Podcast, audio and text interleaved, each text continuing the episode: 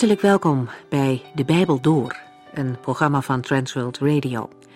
De Bijbel Door is een radioserie die u in vijf jaar meeneemt door de hele Bijbel. Van Genesis 1 tot Openbaring 22.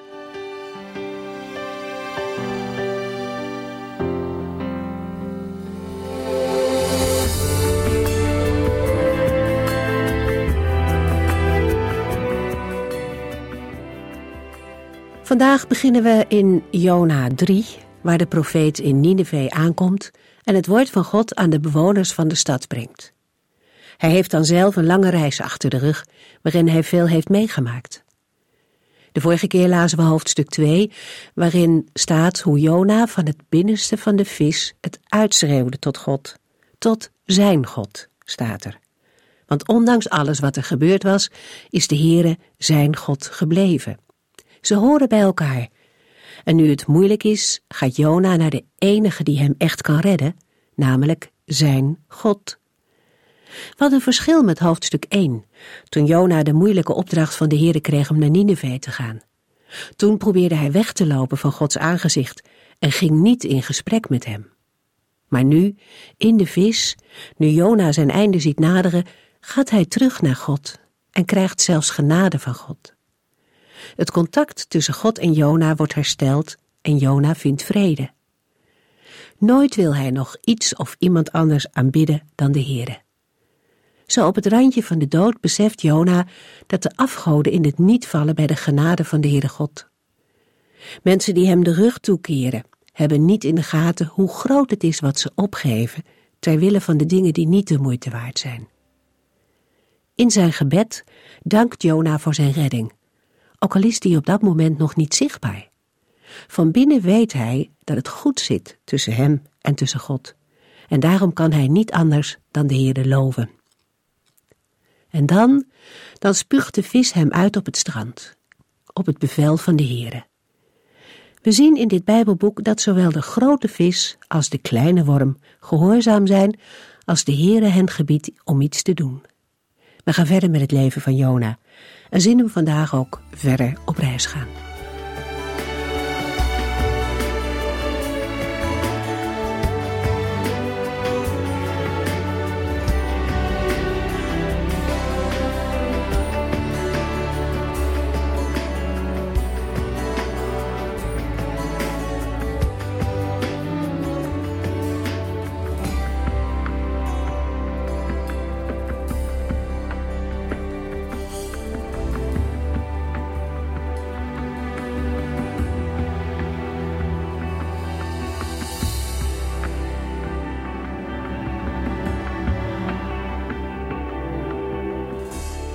De geschiedenis van de profeet Jona vertelt ons in Jona 3 dat de bestemming van de profeet de grote stad Nineveh is geweest. Dat was al zo in Jona 1, maar toen weigerde Jona te gaan doen wat de Heer hem had opgedragen.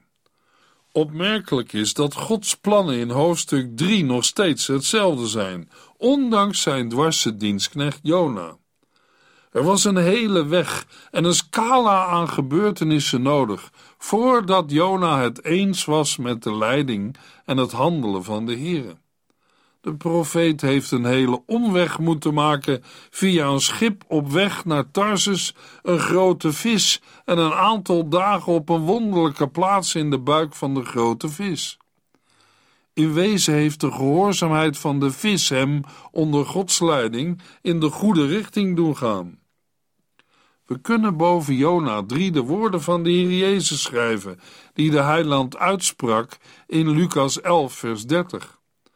Zoals Jona voor het volk van Nineveh een teken was dat God hen wilde redden, zo zal ik, de mensenzoon, een teken zijn voor het volk van deze tijd.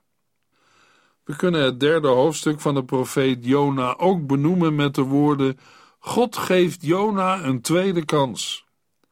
Dat is ook het geheim van Jona 3 vers 1, waar we lazen: Daarna sprak de Heere opnieuw tot Jona. Ik denk dat het voor u, jou en mij goed is om nog wat dieper in te gaan op de tweede kans die de Heere vaak aan mensen geeft. De eerste die dan voor het voetlicht komt, is de geschiedenis van de verloren zoon. We lezen de gelijkenis in Lucas 15. De eerste twee versen van Lucas 15 leiden drie gelijkenissen in, waarin Jezus zich verdedigt tegen de kritiek van de Fariseeën en de Bijbelgeleerden. Dat hij zich met zulk soort mensen bemoeide, was een schande. Een van de drie gelijkenissen is de gelijkenis van de verloren zoon. De gelijkenissen in Lucas 15 vormen een soort drieluik.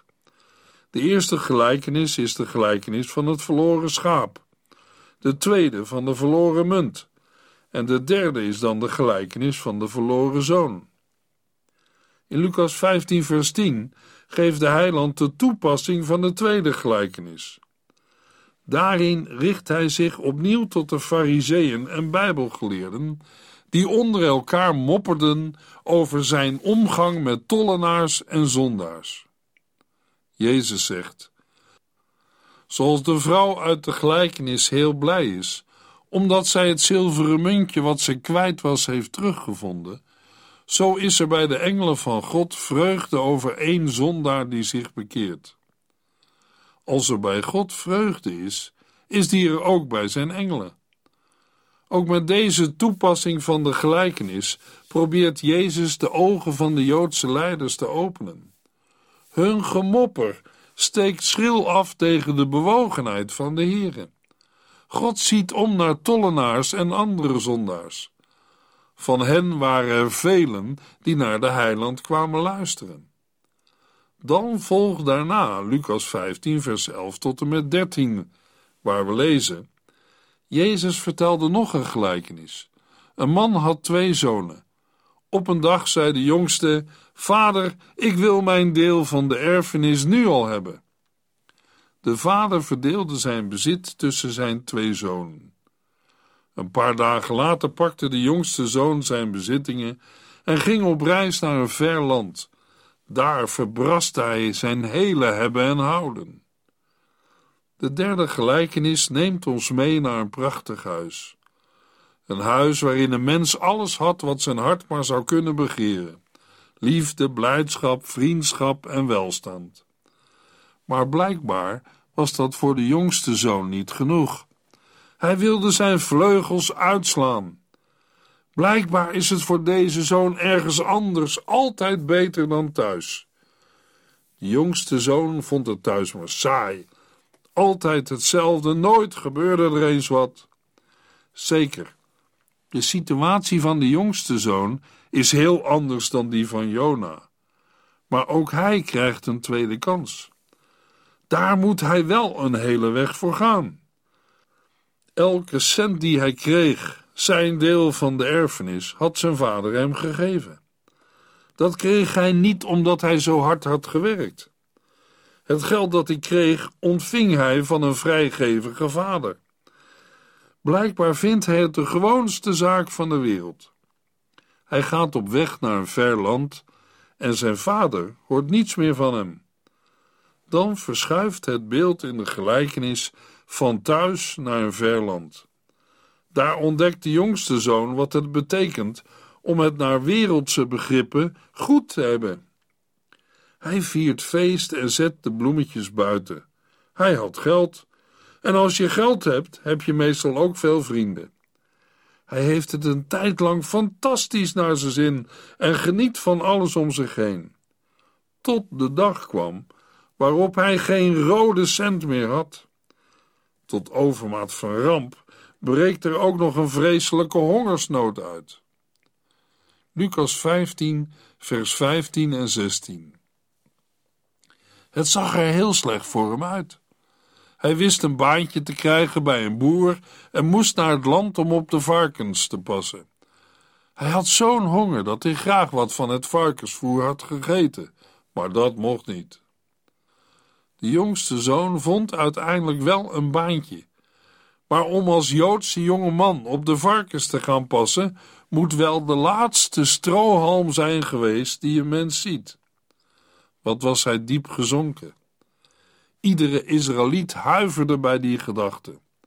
En op dat dieptepunt komt hij tot zichzelf.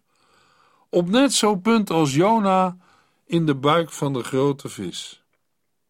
Lucas 15, vers 17. Eindelijk kwam hij tot bezinning en dacht bij zichzelf: Bij mijn vader thuis hebben zelfs de knechten meer dan genoeg te eten. En kijk mij hier nu eens zitten, ik sterf bijna van de honger. Tussen de varkens, ver weg van zijn vader, ver weg van thuis, komt hij tot bezinning. Zijn geldgebrek, de honger die hij had en de eenzaamheid die hem drukte, leidden ertoe dat hij ging nadenken. Het brengt hem tot inkeer. Hoeveel knechten van zijn vader hadden meer dan genoeg te eten, en kijk hem daar nu eens zitten. Ik weet wat. Ik ga naar mijn vader en zal hem zeggen: Vader, ik heb gezondigd tegen God en tegen u. Ik ben het niet waard nog langer uw zoon genoemd te worden. Wilt u mij aannemen als uw knecht? Zo neemt hij resoluut het besluit om naar zijn vader terug te keren. Hij bedenkt ook wat hij bij het weerzien tegen zijn vader gaat zeggen. Zo ging hij op weg naar het huis van zijn vader. Die zag hem al in de verte aankomen en had erg met hem te doen. De man holde hem tegemoet, viel hem om de hals en kuste hem. Wat geweldig! De vader had zeker het recht om te zeggen: Jij hebt alles verbrast en te grabbel gegooid, mijn naam, mijn bezit en al het geld dat je ervoor hebt gekregen. Nee, jij bent mijn zoon niet meer. Wij hadden de vader kunnen begrijpen als hij zo had gereageerd. Maar deze vader is anders. Hij is dan ook een beeld van de hemelse vader. Die jongen krijgt een tweede kans, net als Jona, want vader holde hem tegemoet, viel hem om de hals en kuste hem. En daar staat de vader met zijn zoon in lompen en hij stinkt een uur in de wind. Maar vader slaat zijn armen om hem heen en kust hem. Hij hoeft niet meer in een varkenstal te leven en te werken.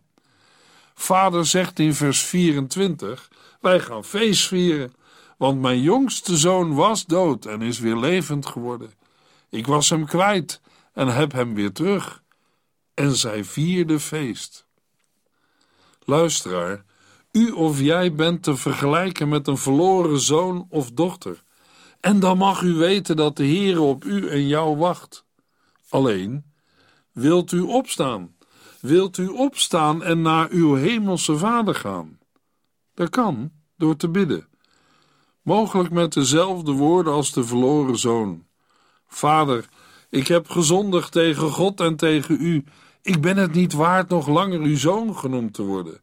Wilt u mij aannemen als uw knecht? Jona 3, vers 1 en 2. Daarna sprak de Heer opnieuw tot Jona en zei: Maak u klaar om naar die grote stad Nineveh te gaan en de inwoners te waarschuwen voor hun ondergang, zoals ik u al eerder heb gezegd. Het woordje opnieuw geeft de tweede kans van Jona aan. De Bijbel is vol met namen en geschiedenissen van mensen die van de Heer een tweede kans krijgen. Hoeveel verschillende kansen heeft God u en jou al gegeven? De Heer is geduldig en hij heeft de tijd. Hij wil niet dat iemand verloren gaat. De profeet Jona is bij de Heere echt geen uitzondering. God geeft mensen vaker een nieuwe kans. Mogelijk herinnert u zich de geschiedenis van Jacob uit het eerste Bijbelboek Genesis. Jacob faalde steeds weer opnieuw, omdat hij vaak handelde alsof hij de Heer een handje moest helpen. Maar daardoor raakte hij steeds verder van de Heere vandaan. Toch liet de Heere Jacob niet los. Ook niet toen Jacob met zijn eigen plannetjes zijn oom Laban te slim af wilde zijn. Uiteindelijk vlucht hij weg van zijn schoonvader Laban en verlaat Jacob het land. Jacob wilde God wel dienen, maar schoot erin tekort. Maar de Heere laat hem niet los. Bij Pniel, toen Jacob in het beloofde land terugkwam, vocht iemand met hem tot het dag werd. dan lezen we in Genesis 32, vers 26 tot en met 30. Toen zei de ander, en dat is de Heere, laat mij los, want het wordt dag.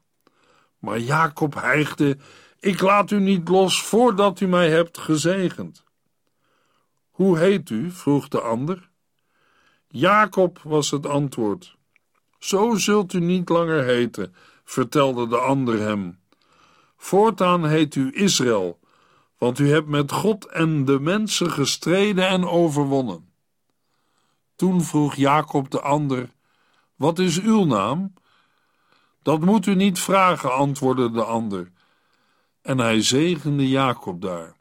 Jacob noemde die plaats Pniel, het gezicht van God, en zei: Ik heb God recht in de ogen gekeken, en toch is mijn leven gespaard. Vanaf die dag was Jacob een ander mens geworden. Hij was veranderd. Dat kunnen we zien uit hoe hij in Egypte zijn kleinkinderen ontmoette. De zonen van Jozef. De oude Jacob vertelde zijn kleinkinderen niet hoe slim hij was geweest, hoe hij zijn broer Esau en zijn oom Laban had bedrogen. Maar we lezen in Genesis 48, vers 15 en 16 over Jacob. Toen zegende hij Jozef met de woorden: Mogen God, de God van mijn voorouders Abraham en Isaac, de God die mij mijn hele leven als een herder heeft geleid, deze mannen zegenen. Hij is de engel die mij in moeilijke tijden altijd heeft geholpen. Mogen Jozefs zonen de namen van mij en van mijn voorouders, Abraham en Isaac, eer aandoen, en mogen zij tot een groot volk uitgroeien. Wat is Jacob veranderd? Bescheiden en vertrouwend op de Heere geeft hij de zegen van de Heere door aan zijn kinderen en kleinkinderen. Bent u mogelijk ook geneigd om net als Jacob alle dingen zelf te regelen en naar uw hand te zetten? De Heere wil het roer van uw levensschip in handen nemen. Vertel hem in gebed dat u hem het roer in handen geeft. Mogelijk bent u of jij te vergelijken met David. Ook hij kreeg een tweede kans van de Heere. In de Bijbel wordt David door de profeet Samuel de man naar Gods hart genoemd. In 1 Samuel 13, vers 13 en 14 moet de profeet Samuel tegen de ongehoorzame koning Saul zeggen: U hebt dwaas gehandeld, u bent ongehoorzaam geweest aan het gebod van de Heer uw God. Hij was van plan uw koningschap voorgoed op uw nakomeling te laten overgaan. Maar nu zal er voortijdig een eind aankomen. Want de Heere wil alleen een man die hem gehoorzaamt. Hij heeft die man naar zijn hart al gevonden en hem benoemd tot koning over zijn volk. Want u hebt het gebod van de Heere niet gehoorzaamd. Maar als we aan de geschiedenis van Batseba denken, kunnen we daarbij allerlei vragen stellen. Iemand kan vragen: hoe kan een mens die overspel en moorden pleegt een man naar Gods hart zijn? Dat kan ook niet, daar heb u gelijk in. Maar de levensgeschiedenis van David laat meer zien dan overspel en moorden. David heeft vreselijke dingen gedaan, en daar is de Heere niet zomaar aan voorbij gegaan. David moest door donkere dalen heen en de Heere om vergeving vragen. Ten slotte brak zijn hart toen zijn zoon Absalom werd gedood. Want David wilde Absalom koning laten worden, maar Absalom bedroog hem. Hij leidde een opstand tegen David en werd vermoord. We horen David in 2 Samuel 18 vers 33 huilend zeggen: Och, mijn zoon Absalom, mijn zoon, mijn zoon Absalom, had ik maar in jouw plaats kunnen sterven. Och, Absalom, mijn zoon, mijn zoon. De Heere strafte David vanwege zijn zonde, maar God vergaf hem toen hij tot de Heere kwam in gebed. In Psalm 51, vers 9 tot en met 14 horen we David bidden. Wilt u met hyssop de zonde van mij afwassen? dan zal ik helemaal schoon zijn. Als u mij wast, ben ik witter dan sneeuw. Wilt u mij weer blijdschap en echte vreugde geven? Mijn lichaam en mijn ziel zijn neergeslagen, maar u kunt mij weer oprichten en u laten prijzen. Let niet op mijn zonden en vernietig al mijn misstappen. Geeft u mij een zuiver hart, mijn God, en een nieuwe geest die mij innerlijk standvastig maakt. Stuur mij niet van u weg en laat uw heilige geest niet van mij wijken. Ik wil zo graag opnieuw de blijdschap over uw redding ervaren. Ik wil u volgen en mijn gehoorzaamheid aan u zal mijn kracht geven. God gaf David een tweede kans. En die Heere wil ook u zijn genadehand toesteken. Ik zou die kans grijpen. Ik wil nu nog twee voorbeelden uit het Nieuwe Testament aanhalen. De eerste is Simon Petrus. Wij kennen zijn geschiedenis, de visser uit Galilea. Altijd haantje de voorste, nooit verlegen om een antwoord of reactie. Maar toen mensen hem vroegen: Jij hoort toch ook bij Jezus? horen wij Petrus drie keer zeggen: Ik ken hem niet. Toen de Heer Jezus hem vlak daarna aankeek, huilde Petrus bitter. Hij had zijn meester verlogend. Toch was in de oogwisseling van Jezus met Petrus geen boosheid. De heiland was vol van genade en medelijden.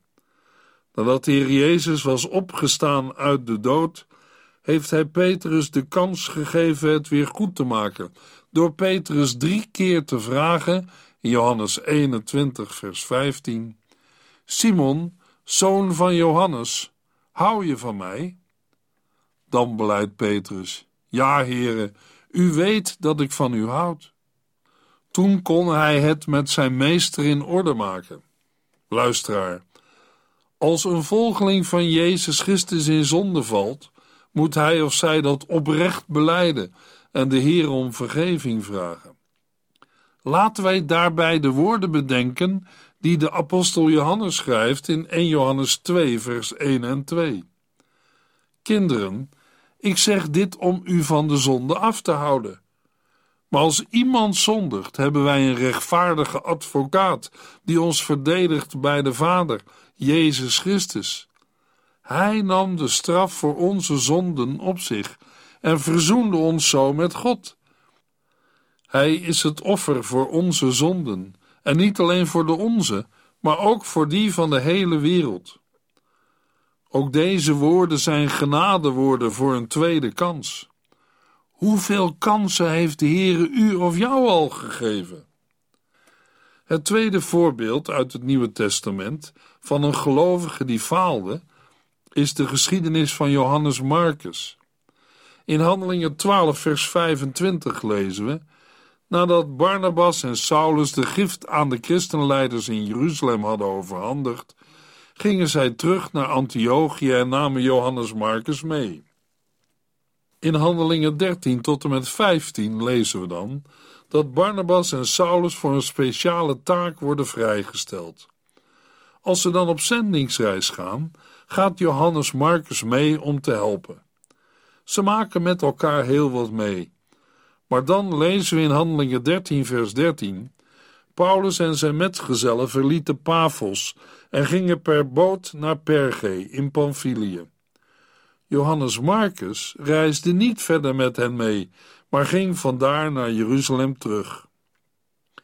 Later lezen we in Handelingen 15, vers 36 tot en met 40 Verscheidene dagen later zei Paulus tegen Barnabas: Zullen wij teruggaan naar de steden waar wij de boodschap van de Here bekend hebben gemaakt?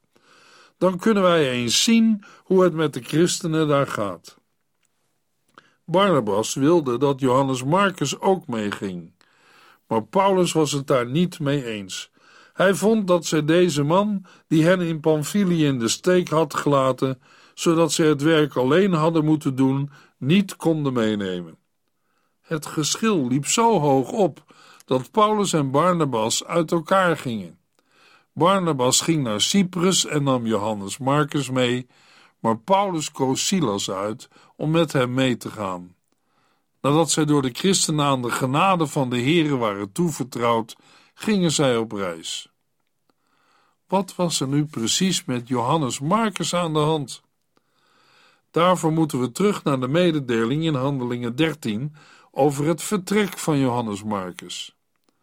De reden daarvoor wordt in Handelingen 13 niet genoemd. Uit Handelingen 15 blijkt dat het volgens Paulus nooit had mogen gebeuren. Johannes Marcus had met hen mee moeten gaan, maar hij was afvallig geworden en zo iemand moet je niet meenemen op zendingsreis. Maar Barnabas wilde hem een nieuwe kans geven en hem vergeven, als ook meenemen op zijn zendingsreis. Uit 2 Timotheus 4 blijkt dat het later weer goed is gekomen tussen Paulus en Johannes Marcus. We lezen in 2 Timotheus 4 vers 11 de slotwoorden van de tweede brief van Paulus aan Timotheus, dat de apostel vraagt: Als je komt, breng dan Marcus mee, want ik heb hem nodig. Met Marcus bedoelt Paulus Johannes Marcus. Die was blijkbaar veranderd en had laten zien dat hij nu zijn medebroeders niet meer in de steek zou laten. Ook de geschiedenis van Jona laat zien dat de Heere zijn kinderen niet loslaat. Als zij in verootmoediging terugkeren tot hem, ontvangen zij van de Heere een nieuwe kans. Immers, de Heere is een genadig en barmhartig God. Jona 2 vers 3 Deze keer gehoorzaamde Jona en ging op weg naar Nineveh. Nineveh was zo'n grote stad dat je drie dagen nodig had om er dwars doorheen te lopen. Met vers 3 komen we steeds dichter bij de geschiedenis die duidelijk maakt hoe genadig de Heer is voor de zondige stad Nineveh. In wezen is Jona 3 een verslag van een geestelijke opleving in de Assyrische hoofdstad Nineveh. Het aantal mensen dat zich toen bekeerde was meer dan op het Pinksterfeest in Jeruzalem. Daarover meer in de volgende uitzending dan lezen we Jona 3, vers 2 tot en met 10.